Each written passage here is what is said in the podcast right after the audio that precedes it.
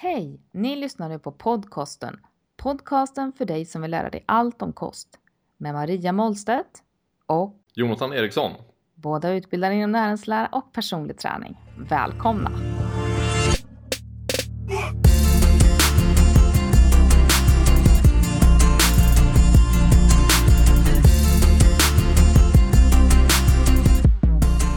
Hej Jonathan!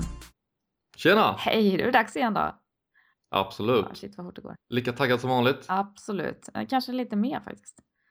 Ja, det, I veckan blir det ett riktigt bra ämne. Ja, och sen har vi fått mycket, mycket positiv feed och det taggar ju extra.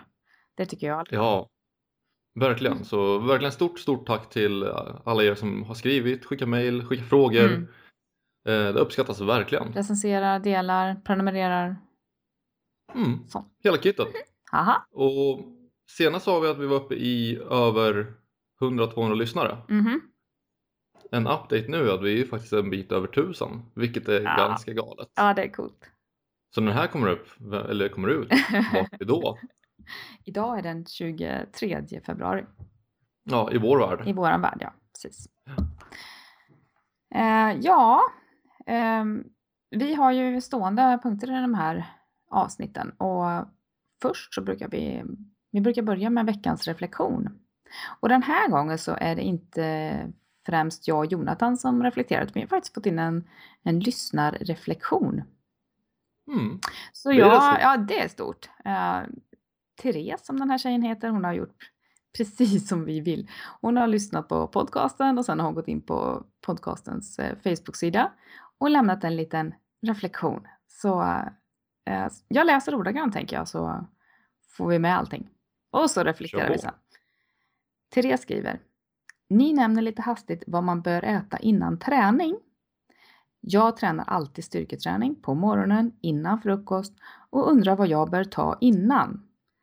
Eh, I dagsläget brukar jag äta några riskakor med banan och jordnötssmör samt BCAA under passet. Det var veckans reflektion från Therese. Vi tackar Therese och eh, ser om vi kan svara och ge henne lite mer råd. Mm. Sedan Therese lyssnar, jag tror att hon reflekterar utifrån proteinavsnittet, så släpper vi ju även det första avsnittet av kolhydrater. Eh, Och där pratar vi ju lite mer om just det här med riskakor och hypen med kolhydrater i samband med träning eh, vid eh, styrketräning. Så jag Mm. tror att en del frågor kanske hon får svar på genom att lyssna på det avsnittet. Men ska vi ge någon spontan feedback där på? Det tycker jag absolut. Eh, vi kan ju nämna det också att det här är ju egentligen det är en liten frukost. Mm. Vi kände ju det båda två när vi läste det att hon tränar innan frukost men när riskakor, banan, jordnötssmör, BCAA Ja, det är väl en liten frukost. Ja, det blir, det blir en liten frukost. Och som vi sa i proteinavsnittet så är jag verkligen inte ett stort fan av BCAA. Utan det tycker jag man kan eh, kanske använda sig av om man verkligen, verkligen vet vad man vill få ut av det. Och då kanske även vet liksom mer än vad det står på förpackningen. För att förpackningarna är ju ofta ganska lovande. Mm. Så jag skulle egentligen rekommendera att om man vill träna innan frukost att man håller sig till en enkel proteinshake. Liksom tar en vassle eller whey shake. Mm. Ett intakt sen- eh, protein tänker du då? Att man... eh, Ja, jag, jag, jag tycker det liksom verkar mer lovande just för att BCA och även EA verkar lite bristfälliga.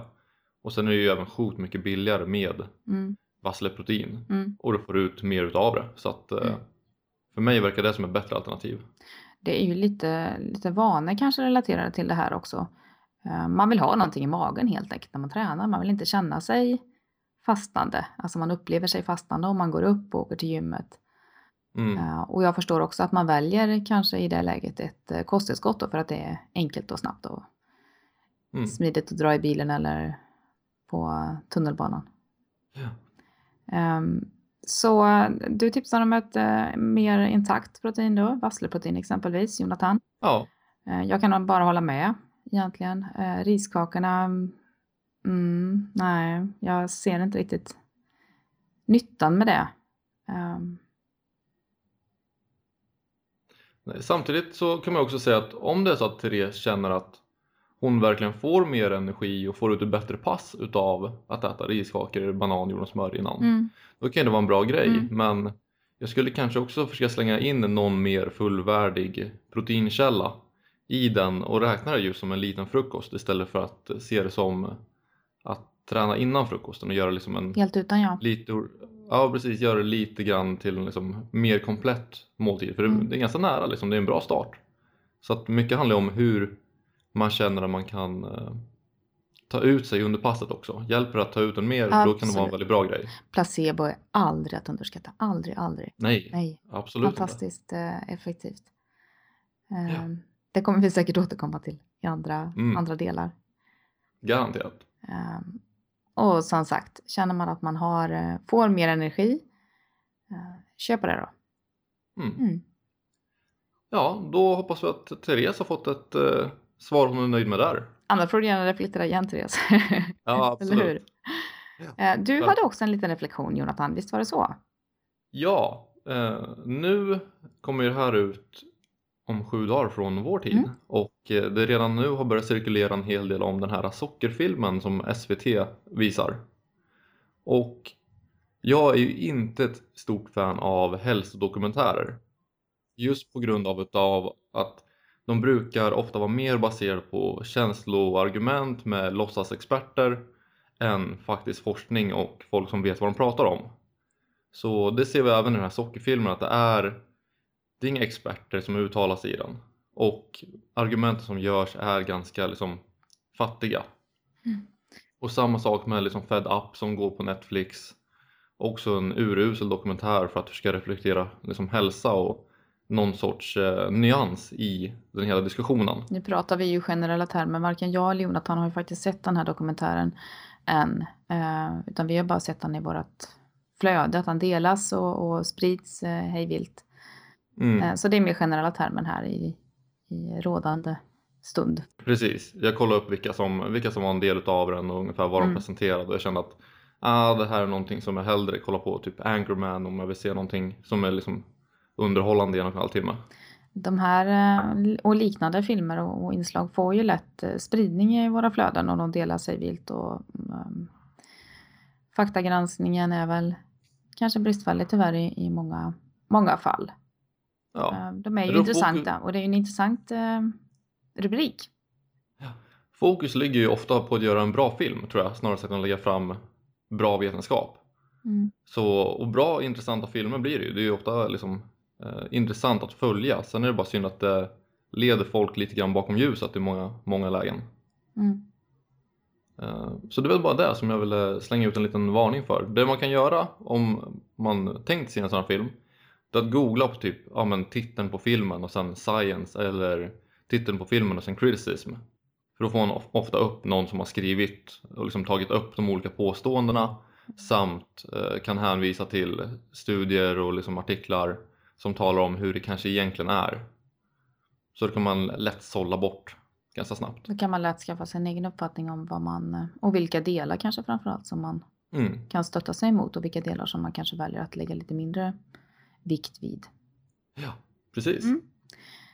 Nej men hörru du, vi går in i veckans ämne. Det är lika bra va? Det här är, det här är ett bra ämne så att eh, det här kommer bli riktigt bra. Det här är alltså kolhydrater del 2. Eh, idag, den 23, 23 februari, 2030, 23 februari så, så släpper vi eh, det första avsnittet om kolhydrater. Eh, Mm. I det så pratar vi om makronutrientens uppbyggnad. Vi pratar om kolhydratkällor, vilka rekommendationer som finns, hur du och jag arbetar med kolhydrater. Och det här avsnittet, kolhydrater del 2, blir en eh, fördjupning utifrån det. Lite nördigare. Ja, väldigt mycket nördigare och eh, det kommer nog också förklara en del om varför vi lägger våra rekommendationer som vi gör. Mm, Just baserat på dessa lite mer detaljartade egenskaperna kring eh, just kolhydrater. ja, det kan jag hålla med om. Det kan jag absolut hålla med om. Det första blir mer liksom fakta och basic och Men nog så viktigt för att hänga med på det, på det här avsnittet kan jag tycka. Mm. Ja absolut, det här blir väldigt svårt att lyssna på om ni inte har hört första avsnittet. Mm. Så har ni inte hört del 1, lyssna på det först och sen kommer ni tillbaka hit till del 2. Mm. Och uppstår det några reflektioner på del 1 så dela dem gärna på Facebook-sida. Mhm. Okej. Eh, jag tänkte berätta lite, börja med att berätta lite vad som händer när vi äter kolhydrater. Lite om eh, matsmältningen. Eh, vi äter ju inte bara kolhydrater givetvis, utan vi äter ju när vi äter en måltid. Men det är ju kolhydraterna som vi kommer fokusera på nu. Eh, I munnen som pågår både en mekanisk eh, nedbrytning, alltså vi tuggar maten, vi pressar den mot gommen, vi, vi bearbetar den mekaniskt, men även en, eh, en kemisk nedbrytning. Och när det gäller kolhydrater så är det enzymet amylas som eh, hjälper Mm. till att bidra med det. Amylas det utsöndras utav i saliven eh, och börjar då finfördela. Och det är framförallt polysackarider, stärkelse som delas ner i, i mindre delar då helt enkelt. Mm. Så man börjar eh, nedbrytningen redan i munhålan. Eh, för att amylas ska fungera och verka så krävs en basisk miljö och det har vi i munnen. Eh, basiskt då hänvisar jag till, till pH-värde då. Ja. Eh, och någonting som är lite roligt i det är att man kan faktiskt när man tuggar på, på någon eh, stärkelserik eh, råvara så kan man faktiskt känna det här om man inte har sabbat sina smaklökar. Att, att det faktiskt blir sötare och sötare ju mer man tuggar. Om man tuggar lite Mm. längre så, så känner man den där söta smaken, den kommer fram till slut. Ja. Och där är också gans- ganska intressant då folk har olika genuppsättningar när det kommer till just amylasen. Mm. Så att eh, man kan säga att vissa har från två par gener upp till 18 har man sett. Det går säkert att ha mer och mindre där också. Men där ska man också se att de som har få uppsättningar utav amylas gen 1 då, eh, som är verksam i munnen, så kommer de att ha andra blodsockervärden än de som har en hög uppsättning. Mm. Så desto mer genuppsättningar du har, desto sötare kommer det också troligtvis smaka. Och ditt blodsocker kommer att eh, liksom gå upp tidigare för att du liksom får ut mer utav stärkelsen tidigare. Det är intressant. Mm. Eh, och blodsocker kommer vi tillbaka till lite senare här, eller hur? Mhm. Eh, vi har tuggat, vi har eh, frigjort amylas i vårt saliv och eh, gör oss redo för att svälja maten nu då. I magsäcken så är eh, pH-balansen sur. pH-värdet är surt i magsäcken. Eh, så där är amylaset nästan, nästan helt inaktivt. Det sker inte någon direkt nedbrytning. Eh, utan man får helt enkelt vänta. Kolhydraterna får vänta tills det pytsas ut i tunntarmen. Där utsöndras nytt amylas utav bukspottkörteln Mm. tillsammans med, med bikarbonat som eh, återgör det här saften, den här mm, guggamojan från magsäcken basiskt då. Du gillar, du Guggamoja. gillade geggamoja. Snyggt. Absolut, väldigt pedagogiskt, jag gillar det. Mm, ja, den här sörjan som kommer från magsäcken den, den börjar brytas ner igen. Eh, för det är först när, när kolhydraterna blir monosackarider, alltså den här minsta minsta delen, så den kan tas upp eh, i, eh, i blodbanan och lagras in som glykogen i, i lever och, eh, och i vår muskulatur. Mm. Mm, någonstans där. Ehm, så nu har de här kolhydraterna, de har brutits ner, de har passerat genom hela mag och tarmkanalen, tagits upp av kroppen. Och i blodet har vi nu lite glukos som cirkulerar runt. Ehm, Ja. och när, när glukos eh, hamnar i blodbanan eh, så pratar vi om blodsocker. Eh, och då utsöndras insulin för att sänka det här blodsockret. Eh, Och det gör det genom att, eh, att eh, främja cellens näringsupptag. Alltså man kan säga att det, det öppnar dörren in till cellen och släpper in den där eh, näringen i cellen. Mm. Mm. Men det, det stimulerar också glykogen och eh, fettnedlagring. Det ska vi säga. Ja. Eh, Har du någonting mer där som du vill flika in om, om just insulin innan jag går vidare på glukagon? Absolut, och det är ju att insulin har en väldigt viktig roll i att stänga inne glukos i levern. Så utan insulin liksom i blodet så fortsätter levern att släppa ut glukos vilket eh, skulle potentiellt kunna leda till väldigt, väldigt höga blodsockervärden om man inte har fungerande insulinutsöndring. Eh, och en annan viktig sak att tänka på är att insulinet demoniseras ofta. Att folk säger att det är på grund av insulin vi blir feta, det, det är enbart fettlagrande. Mm. Och det är därför till exempel vi har folk som ja, tycker att LCHF är bra och man försöker liksom undvika insulinet så mycket som möjligt. Man får inte glömma att insulin har en halveringstid på ungefär, ungefär 4-6 minuter. Det betyder att när du har ätit en liksom normal stor måltid så kommer din insulinnivå ligga på normalvärde efter ungefär 60-90 minuter. Så därefter så är inte insulin längre någonting liksom lagrande. Så att, att helt hänga upp sig på att försöka liksom få bort insulinet i kosten är enligt mig någonting som de flesta inte behöver tänka på. Det har ju en faktisk funktion. Um, Mm. Sen kan man ju diskutera om eh, ständigt förhöjda insulinnivåer är bra för hälsan i längden. Mm. Det är någonting annat. Ja, absolut. Ehm, vi har insulin, men sen har vi också glukagon. Och till skillnad från insulinet så höjer glukagon blodsockret då. Så det motverkar alltså lågt blodsocker. Eh, glukagon stimulerar leverns nedbrytning av glykogen. Och det var det Jonathan pratade om här, alltså frisätter glukos. Mm. Eh, Så att det kommer ut glukos i blodbanan.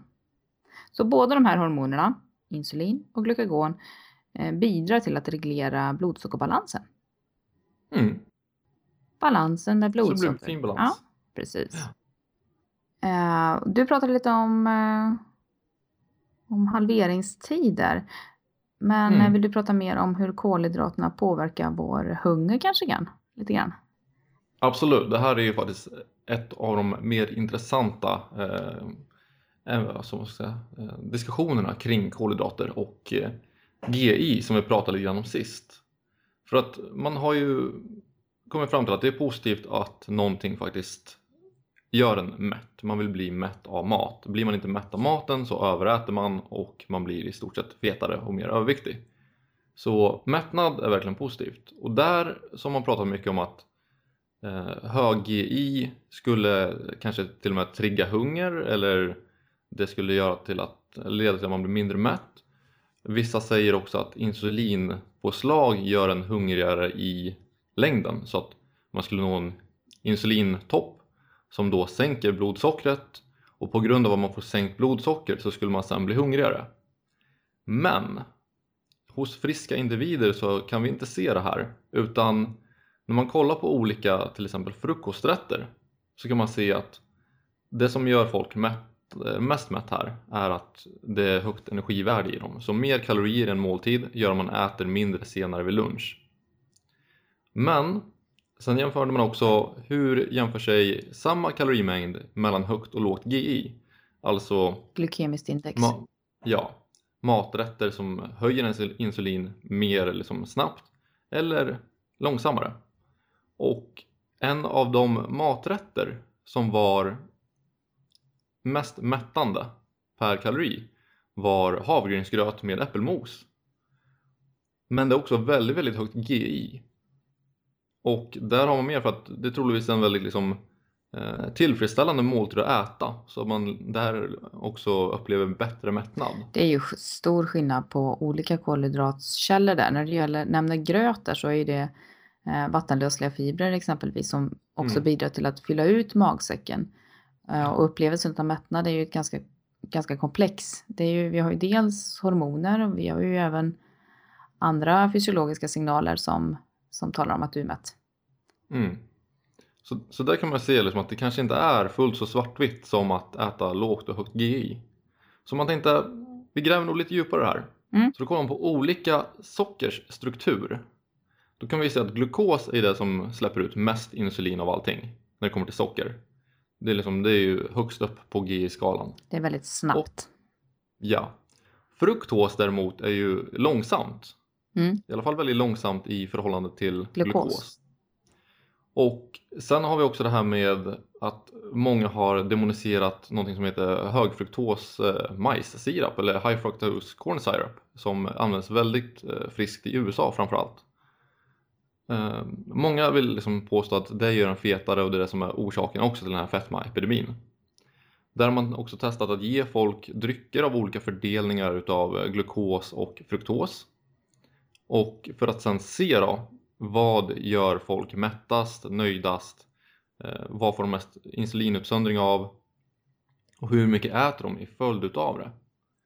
Här kan man se att det är ingen större skillnad mellan någonting som innehåller mycket fruktos eller mycket glukos.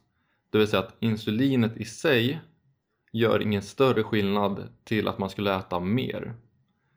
Där har man till och med sett att hos folk som är överviktiga så är det ingen skillnad mellan de två. Men hos folk som är normalviktiga eller till och med smala så tycks glukos, alltså höginsulin, mätta bättre än låginsulinproducerande mat och drycker. Så insulin är om någonting ett mättnadshormon snarare sagt än ett hungerhormon och liksom påverkar det. Och där kan vi också se hos möss när man vad som kallas att man slår ut deras eh, insulinreceptorer i hjärnan så börjar de överäta och äter sig överviktiga. Så inte bara liksom här i magsäcken och så som insulin och i kroppen har en funktion utan även liksom i hjärnan så kan den säga till att ja, men nu är insulin i blodet, jag har blivit matad, jag behöver inte äta mer. Så det är något som är väldigt, väldigt intressant.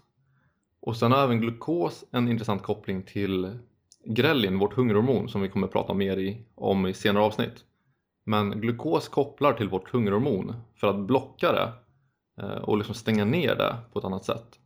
Och insulin går också, när insulin är cirkulerande i blodet så kan inte heller hungerhormonet koppla till sina receptorer för att sen nå upp i hjärnan. Så att insulin har otroligt många intressanta effekter just när det kommer till mättnadskänsla, framförallt då hos eh, folk som är normalviktiga eller smala. Det är väl en ganska bra summering att insulin är liksom inget eh, elakt ont i, eh, i alla avseenden utan det har en funktion och ja. Absolut och framförallt tycker jag det är viktigt att man faktiskt eh, reder ut det här med att man inte ska demonisera insulin för att vara orsaken bakom fetmaepidemin som faktiskt är en ganska vanlig tanke hos folk inom liksom träning och fitnessvärlden. Det är inte riktigt så enkelt. Nej, absolut inte. Så då kan vi gå in lite grann på om det spelar någon roll när vi äter kolhydrater. Mm. Vad tycker du? Eh, jag kan tycka att det beror på vilken typ av kolhydratkälla som man äter. Eh, jag kan se att eh, om man äter en riktigt stor råkostsallad precis innan man går och lägger sig mm. så kan nattsömnen bli störd på grund av att ja, matsmältningen pågår helt enkelt. Mm. Så det är väl en nackdel om man äter väldigt mycket svårsmält mat sent. Mm. Sen har vi en fördel där också. Äh, än en gång det här med hög GI-mat ungefär fyra timmar innan sömn har visat sig kunna göra att insomningen går lättare. Mm, men nu är det fyra så, timmar innan så det är ganska långt ja, innan. Så det är ganska långt innan och det är någonting som är väldigt lättsmält. Men eh, det tycks kunna påverka sömnen positivt så har du svårt att sova kanske det kan vara någonting som är värt att tänka på. Mm. Jag tror att många av våra lyssnare också är intresserade just um, utav att veta hur vi resonerar kanske kring kolhydrater i samband med träning. Mm. Vi tullar ju lite på det i, i, i inledningen här då med, med riskakor och som är att beteckna som en, en relativt snabb kolhydratkälla då. Mm. Eh, ja, när vi styrketränar exempelvis så tömmer vi inte särskilt mycket glykogen i våra muskelstruktur. Så att direkt försöka sträva efter att fylla på de här få procenten med tömda glykogenlager. Ja, nej, nyttan, nöjet, jag vet inte. Jag ser inte den kopplingen riktigt utan eh, efter träningen hem och laga mat istället. Innan träningen se till att få i dig någon proteinkälla då om man eh, syftar till att eh, stimulera proteinsyntesen. Mm. Hellre. Ja, och det kan man se, det var väldigt länge eh, tänkt att man skulle försöka utnyttja just insulinet för att bli så muskelbyggande som möjligt så att man skulle trycka i sig, vi säger 100 gram malto plus protein efter för att spika insulinet och få in Mm. proteinet snabbt som attan i cellerna så man växer optimalt. Men det där har också blivit ganska noggrant testat nu och man ser ingen skillnad på muskelbygge eller direkt återhämtning om man tar kolhydrater och protein eller om man bara tar protein.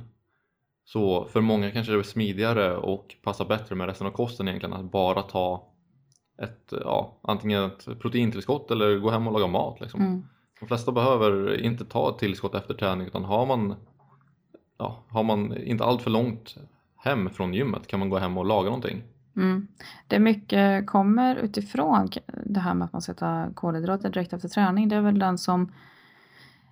Dels så lagrar vi lättare in glykogen i våra muskler direkt efter träning. Men har Mm. man inte, är det inte så att man ska träna igen efter 3-4 timmar och köra ett stenhårt pass på eh, lika intensivt som man eh, gjorde tidigare på dagen så, så återigen, nej, du behöver inte det där.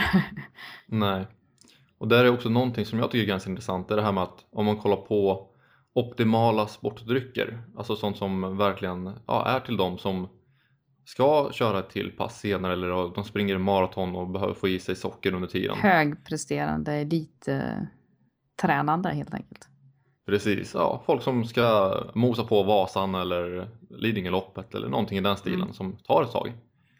Där kan man se att eh, sockerfördelningen i va- vanligt bordssocker är extremt lik den optimala fördelningen för just uthållighetsdrycker. Så troligtvis så kan du spara en slant genom att mixa ner några teskedar vanligt bordsocker i en vattenflaska, blanda ut med lite olika mineraler och ele- elektrolyter och sen ta med dig ut liksom på loppet. Snarare sagt än att köpa en specialbryggd för Mm. väldigt mycket mer pengar liksom. Mm. Det var väl det. Det var väl, det täckte väl den punkten tror jag va? Jag tror det va? Eh, någonting som också jag glömde att ta upp lite grann förut är just det här med eh, insulinkänslighet för folk av olika aktivitet och Mm. även vikt då. Så att man märker ju att träning påverkar ju insulinkänsligheten väldigt positivt. Man vill ha en hög känslighet för det för det betyder att vi kan släppa ut mindre och reagera på det kraftigare. Så träning gör att vi behöver mindre insulin för att få ut samma effekt Precis. som man annars skulle få ut. En vältränad eh, motionär, atlet, eh, individ eh, Mm. sänker snabbare sitt blodsocker. Mm. Och där är samma sak med eh, vikt. Någon som har lite kroppsfett är också känsligare till insulin än någon med mycket kroppsfett. Så någon med mycket kroppsfett har ofta högre cirkulerande nivåer av insulin. Så det är någonting som man gärna kan eh, liksom, försöka dra ner på. Och det är också en stor anledning till varför jag brukar rekommendera tyngre klienter att äta mindre kolhydrater än smalare klienter. Mm. Men det är väl typ det om det. Ska vi gå in lite grann på just det här med eh, fördelar och nackdelar med det? För nu eh, Mm. snuddar jag lite grann vid det. Men visst är det så. Vi pratade redan i första avsnittet om, eh, om att det är viktigt att äta kolhydrater. Just för att de kolhydratkällorna, de naturliga kolhydratkällorna rymmer en hel del makronutrienter, eller mikronutrienter menar jag. Alltså Mm. vitaminer, mineral, eh, goda antioxidanter och så vidare. Så det är mycket bra näring där i. Fibrer, inte att förglömma. Mm. Eh, Så genom att äta grönt, rot, saker, bär, frukt så får vi i oss en hel massa nyttigheter. Ja. Eh, Så det är väl fördelen med, med att, eh, med, en av fördelarna med kolhydrater. ja, absolut. En väldigt, väldigt, väldigt, väldigt stor fördel utav det. Sen så Energi. bara... Energi, ja absolut. De flesta presterar ju mycket bättre med kolhydrater. En stor miss som jag tror många gör som liksom försöker deffa eller komma i form att ta bort för mycket kolhydrater så att ens pass i gymmet eller liksom i eh, löpbacken eller eh, löpspåret eh, tar skada utav bristen av energi. Mm. Utan det är väldigt, det är väldigt eh, viktigt att mata kroppen med energi nog för att kunna prestera på topp om du vill ta det i så bra form som du kan. Mm. Men det finns ju bättre och sämre kolhydratkällor också då. Ja, absolut. Eh, det vi kan se också med kolhydrater är att det finns vissa risker att dra ner för lågt. Och det är att man kan se att liksom, vårt köldkörtelhormon, T3 framförallt, dras ju alltid ner. Det kommer sjunka och liksom vår förbränning kommer sjunka när vi är på ett kaloriunderskott. Och det är någonting som är ganska lätt att hamna i om man tränar väldigt mycket. Det är som om man hamnar i ett visst, eh, visst underskott. Men även brist på kolhydrater tycks sänka T3 och höja nivåer av ett hormon som annars liksom slår ut T3 kan man säga, som heter RT3. Eh, och där kan man säga att de som äter mindre kolhydrater kommer alltså få en sämre förbränning samtidigt som de som äter mer kolhydrater, vi snackar om 30 mot eh, 60% så 60% kolhydrater i kosten är väldigt mycket, någonting som jag kanske inte rekommenderar till så många men 30% är en ganska liten siffra för hårt tränande. Så där kan man säga att äter man mer kolhydrater så kan man hålla uppe de här T3-nivåerna längre Mm. och de sjunker inte på samma sätt som de som går på en låg kolhydratkost när de är hårt tränande. Så det här gäller kanske inte normalbefolkning som inte tränar särskilt hårt men de som tränar hårt eh, kan det verkligen vara värt att tänka på. Eh, en annan eh, nackdel då om man väljer lite sämre kolhydratkällor, alltså ja, processade livsmedel, eh, socker och sådana här saker. Vi ska prata mer om socker sen. Eh, är ju att eh, man kanske inte upplever mättnad på, på samma sätt. Eh, jämför exempelvis eh, havregrynsgröt med eh, en, någon form av sötlimpa eller någonting sånt. Den här Mm. limpan är ju inte, den är ju helt fri från vatten så den fyller inte ut vår magsäck särskilt. Ehm, och då, fungerar inte de signalerna. Alltså vi kan äta ganska många brödbitar utan att uppleva någon egentlig mättnad. Utifrån Mm. den aspekten då, med utfyllnad.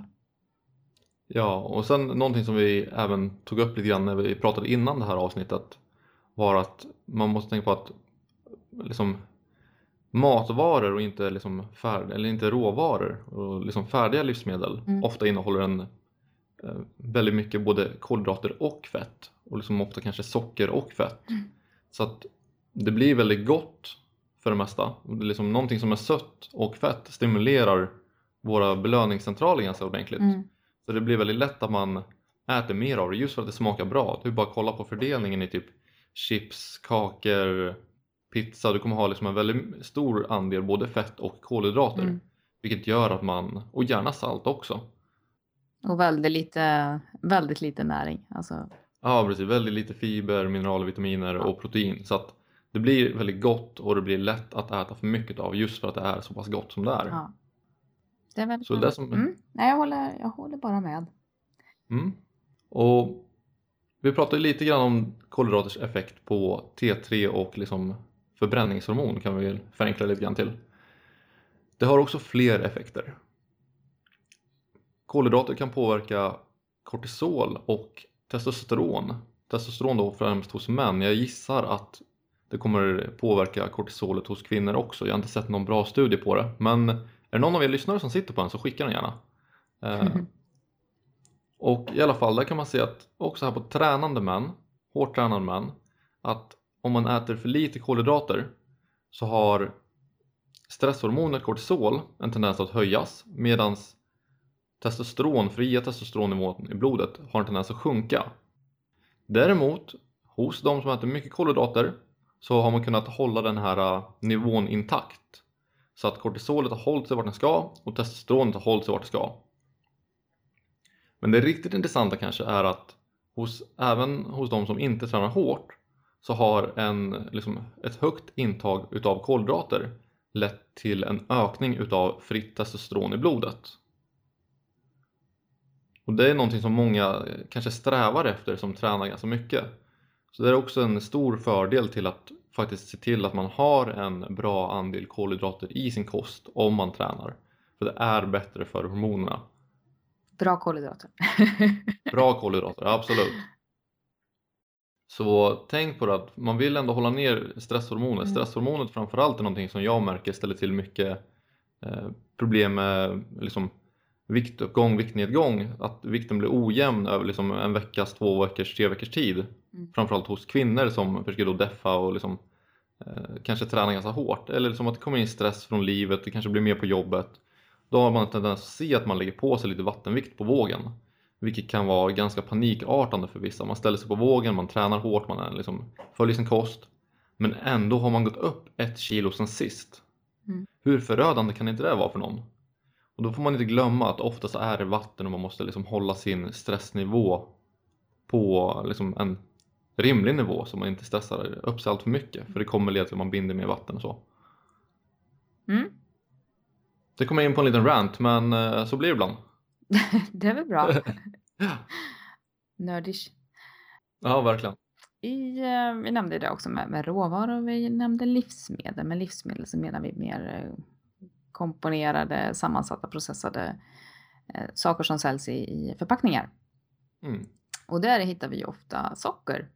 Eh, fast det är sällan det står sådär socker 87 procent, utan det står, eh, det står massa andra saker.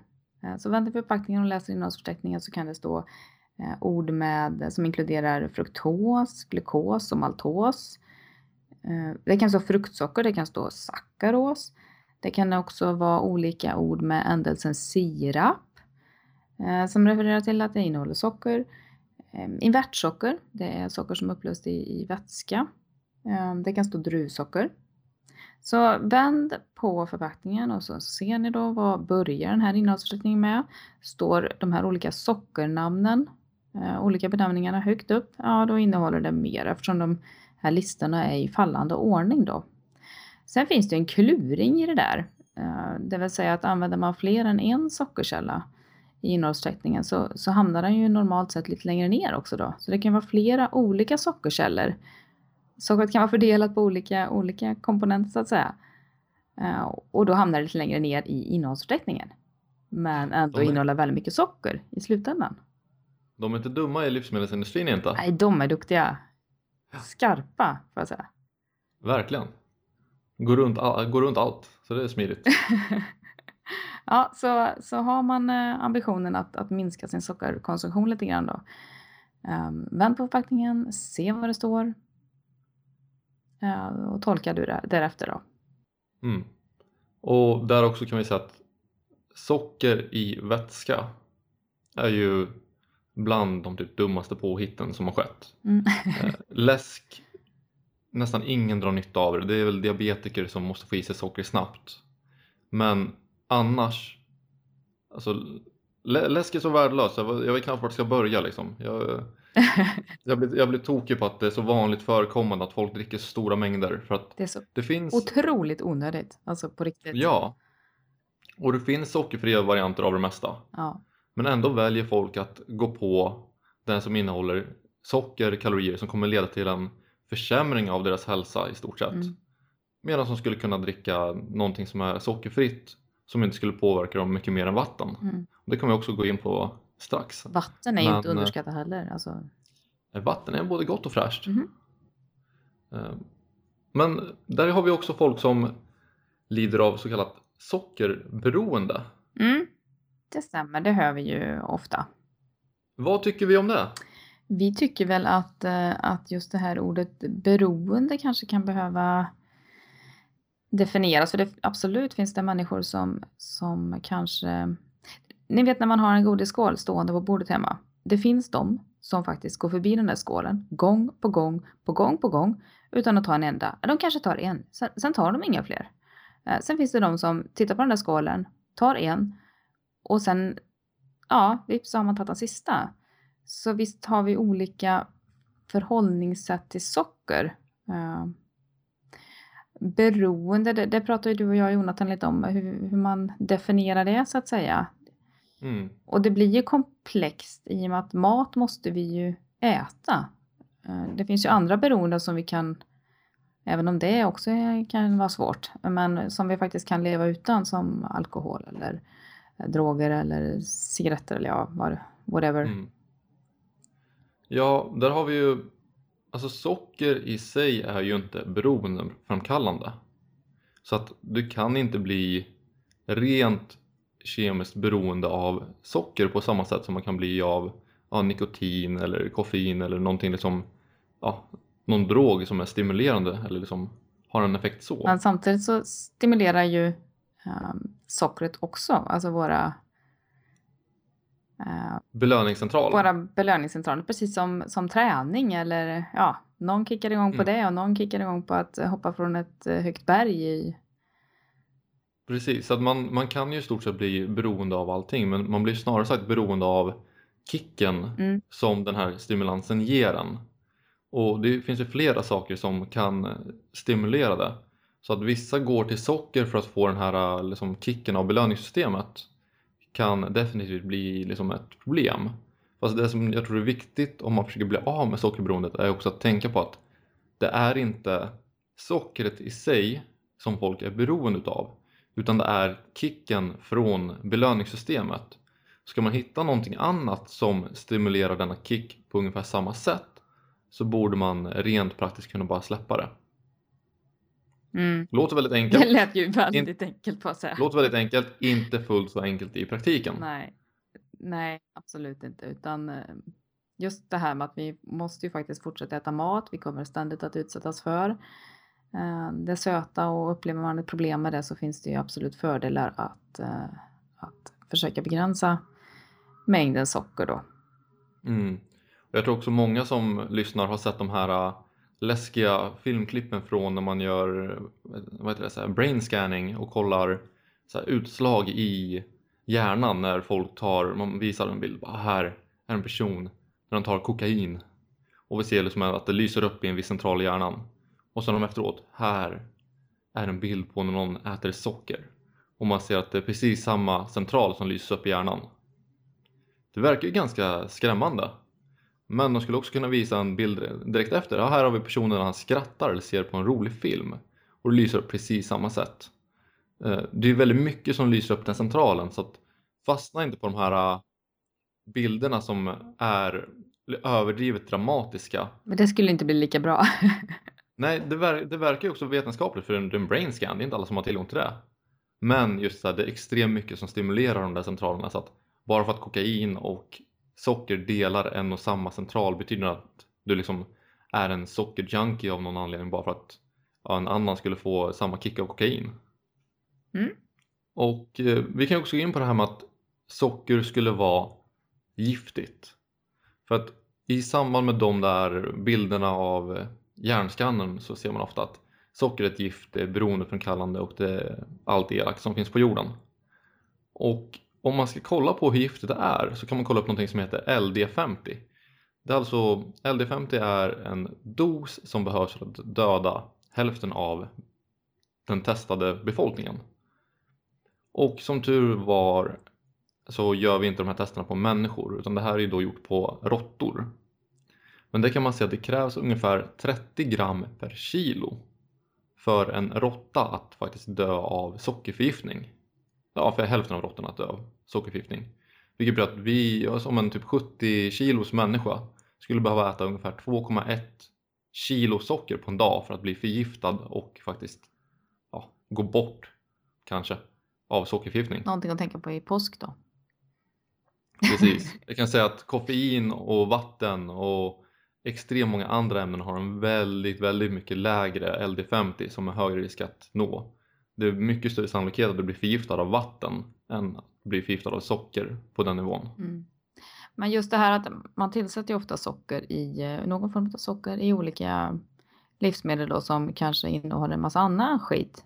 Uh, mm. Som uh, olika tillsatser, färgämnen och så vidare och så vidare och så vidare. Så man får i sig genom att äta de här sockerlivsmedlen så kan man få i sig en massa annat knas då. Mm. Eh, och lagom är väl väldigt, eh, väldigt bra i det här eh, sammanhanget så att säga. Ja. När jag var liten fanns det lördagsgodis, det vet jag inte ens om det finns längre. Det finns onsdags... vad heter det? Lördag mitt i veckan och det finns fredagsmys. Ja, precis. Lillördag. Ja. Eh, söndagsfika, måndagströstning. Ja, liksom så.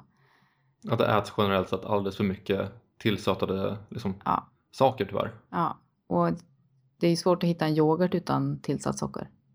Mm. Bara det. Ja, det finns lite överallt. Och vi kan ju också se lite grann, vi pratade ju mycket om förra veckan hur vi använder oss av kolhydrater i klienters och vår egen kost. Mm. Och eh, jag hoppas att ni efter att ha lyssnat på detta, liksom, som vi tagit upp idag, har en större förståelse om varför just som vi väljer att faktiskt ha kolhydrater som en relativt stor del av folks upplägg. För som vi också sa förra veckan så är ju inte kolhydrater någonting som är nödvändigt för, vår överlevnad. Men väldigt mycket pekar på att det är till stor nytta när det kommer till att maximera prestation och välmående. Så både jag och Maria sa ju att vi har kolhydrater som en, ja, en stor del. Det är sällan vi liksom låter folk gå allt för lågt. Och jag kan säga att jag har absolut de tillfällen av att jag tar bort kolhydrater helt för folk. För att ja, jag tror att det kan göra större nytta. Men oftast då i kortare perioder. perioder. Jag skulle inte råda någon att liksom gå på LCHF i ett år. Det tycker jag eh, är galenskap. Medans de kanske kan dra jättestor nytta av det i vi säger 4, 8, 12 veckor. Så där är också liksom man får ha en viss flexibilitet i det hela. Ja, men så är det. Är det så att man har en övervikt och, eh, och skulle må väldigt mycket bättre av att tappa den här övervikten då, vilket de flesta kanske har, så kan ju LCHF, precis som vilken annan diet som helst, eh, ge de här hälsofördelarna, i alla fall ett inledande skede. Ja. Och upplever man att just LCHF i sin strikta form är den dietupplägget som, som funkar allra bäst för någon, så kör den då ett tag. Precis, ett tag, nyckelord. Två Skulle år. jag säga. Ja. Mm, svårt att räkna. Eh, ja, men eh, så, så jag brukar rekommendera där bara igen att de flesta kommer att äta mellan 100 och 500 gram och sen finns det absolut undantag vart folk äter både mindre och mer än så. Mm. Och det är helt beroende på hur mycket kroppsfett du har på kroppen idag, hur mycket du tränar, vad du har för mål. Så det är ganska mycket som spelar in. Vilket kön du är kommer också påverka hur mycket du kanske vill äta. Och sen finns det ju en rad av olika kolhydratkällor. Man behöver inte kanske äta bröd. Man kanske inte Nej. behöver äta socker direkt. Det mesta ska komma från bra liksom, ja, matvaror som innehåller mycket liksom, mineraler, vitaminer, fiber framförallt. Mm. Så att man får i sig ett brett spektrum där. Mm. Vi pratade också förra veckan om det här med pre och probiotika. Mm, precis. Det får du ju inte i dig genom till exempel bröd eller ja, liksom läsk på samma sätt som du får i dig genom bra grönsaker och rotfrukter. Ehm, Och även då vissa sorters yoghurt är väldigt bra för att få i sig probiotika. Mm. Nej, det- kolhydratkällor från växtriket de innehåller generellt sett mycket vatten också. Så det ger oss en mättnad också som, Mm. som är tillfredsställande på många, många sätt. Ja. Mm. Och eh, med det kan vi nästan gå in på veckans frågor, eller, eller, hur? Nu har vi väl snackat kolhydrater i två program här snart. Så att Ja, precis. Det är inte illa med två timmar kolhydrater. Ja, för det är ju så att vi har faktiskt fått in eh, frågor också. Inte bara reflektioner utan även eh, direkta frågor. Mm. Eh, Jag tänkte jag läser upp den eh, första då. Den kommer från Anna-Karin. Eh, Hon har också varit inne på eh, podcastens Facebook-sida och lämnat en liten fråga till oss. Hon skriver så här. Jag vill veta mer om sötningsmedel och då framförallt stevia! Utropstecken. Hur påverkar det sötsuget, hungern och insulinet? Mm. Mm. Och eh, vi kommer nog prata mer om sötningsmedel senare. Ja, vi kände väl det att det var en ganska så stor, Fråga. stor Den fråga. Ja. Eh, Men ett kort och enkelt svar är Sötsuget kommer att påverka olika för olika personer. Eh, Vi, vi, både jag och Maria har erfarenhet av folk som känner att de blir triggade av sötningsmedel och känner att de vill ha mer sött. Och vi har både erfarenhet av att folk använder det för att hålla liksom sötsuget borta. Så de känner att oh, men, gud vad gott det hade varit med någonting sött. Jag dricker någonting med lite sötningsmedel i eller jag har det på i någon bakelse eller vad som helst. Mm. Och sen är jag ganska nöjd och behöver inte liksom gå på det här liksom riktiga sötman och riktigt socker som innehåller kalorier och Så. Nej. Så vissa kan använda det med väldigt stora fördelar. Medan vissa kanske liksom att det kan vara en nackdel och att man måste vara striktare mot sig själv och inte tillåta det. En del kan ju inte äta utan att det liksom eh, är sötningsmedel i det. eh, Vad man än äter och då kan jag väl Mm. tycka att det är snarare ett beteendeproblematik där. Ja, och hunger och insulin kommer det troligtvis inte påverka alls. Så sötningsmedel liksom generellt sett påverkar inte insulinet. Det var någon studie som visade det liksom kanske på 70-talet att aspartam skulle påverka insulin men det har sedan dess liksom visats gång på gång på gång att det inte påverkar insulinet. Och hungern tycks det inte heller påverka. Man har gjort många studier där man har jämfört folk som dricker sötade drycker, vatten, ehm, drycker med sötningsmedel och kanske mjölk. Och man kan se att det har varit lite blandade resultat med vad som har varit effektivast. Vart vatten och sötningsmedel alltid har varit liksom så här, ja men vi vet inte vilket av de här två som är effektivast för viktnedgång. Men bara det att de faktiskt slåss om första platsen som effektivast säger en hel del om hur lite sötningsmedel i sig påverkar hunger. För att i vissa studier har det till och med bevisat att de som dricker sötat, liksom sötad dryck har tappat mer i vikt än de som bara dricker vatten. Jag tror att man får gå till sig själv lite grann där. Ehm, Absolut, det är väldigt viktigt hur man upplever det själv. Mm. Så vissa kommer kanske triggas av det på ett annat sätt än vad andra gör. Så att ja, man får hitta vad som funkar för en själv. Mm. Ja, sen har vi Kristina då som har ställt en fråga efter tävlingsdiet. Och när hon skriver tävlingsdiet då är det ju, vet jag att det är eh, kroppsbyggning som hon syftar till.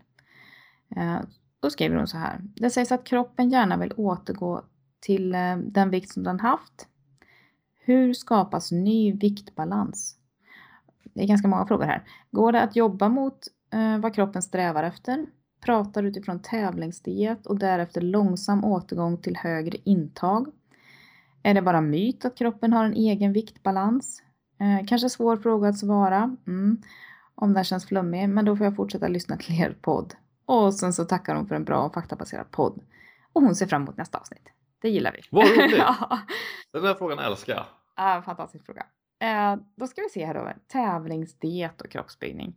Man har alltså under veckor och månader gått på ett, eh, ett beräknat energiunderskott. Man har en, en låg fettprocent, eller en väldigt, väldigt låg fettprocent. Man har tävlat och veckan inför tävlingen så kanske man till och med har eh, tömt och fyllt, alltså kolhydratladdat och laborerat med vätskenivåer och mineraler och salt och så vidare och så vidare. Man har varit ganska så destruktiv med sin kropp helt enkelt. Men man har stressat på ganska bra också förmodligen. Man har tränat hårt.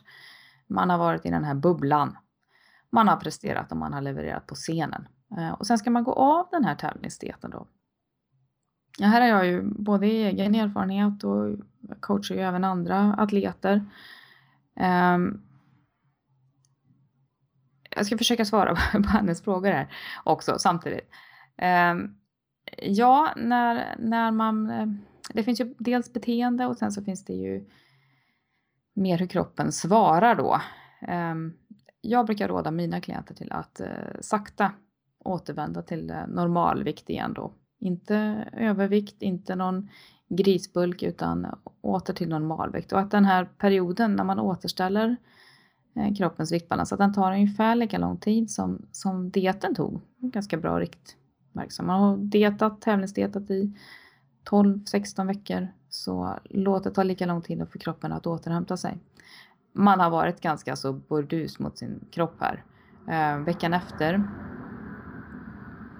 så är ju kanske framförallt eh, vätskenivåerna helt bananas. Eh, eh, man behöver sova mer, man behöver vila från gymmet, man behöver liksom vara snäll ett tag. Så det är väl den ena aspekten, att man, man behöver vara lite snäll mot sin kropp. Man behöver också komma tillbaka till ett beteende som är normalt till kosten. Och börjar man då att beta av den här listan som man skrev Ehm, med allt som man är sugen på. Alltså man börjar liksom med ehm, kokostoppar, rostat bröd, alla snabba kolhydrater, chipspåsarna och sen så går man bananas på den.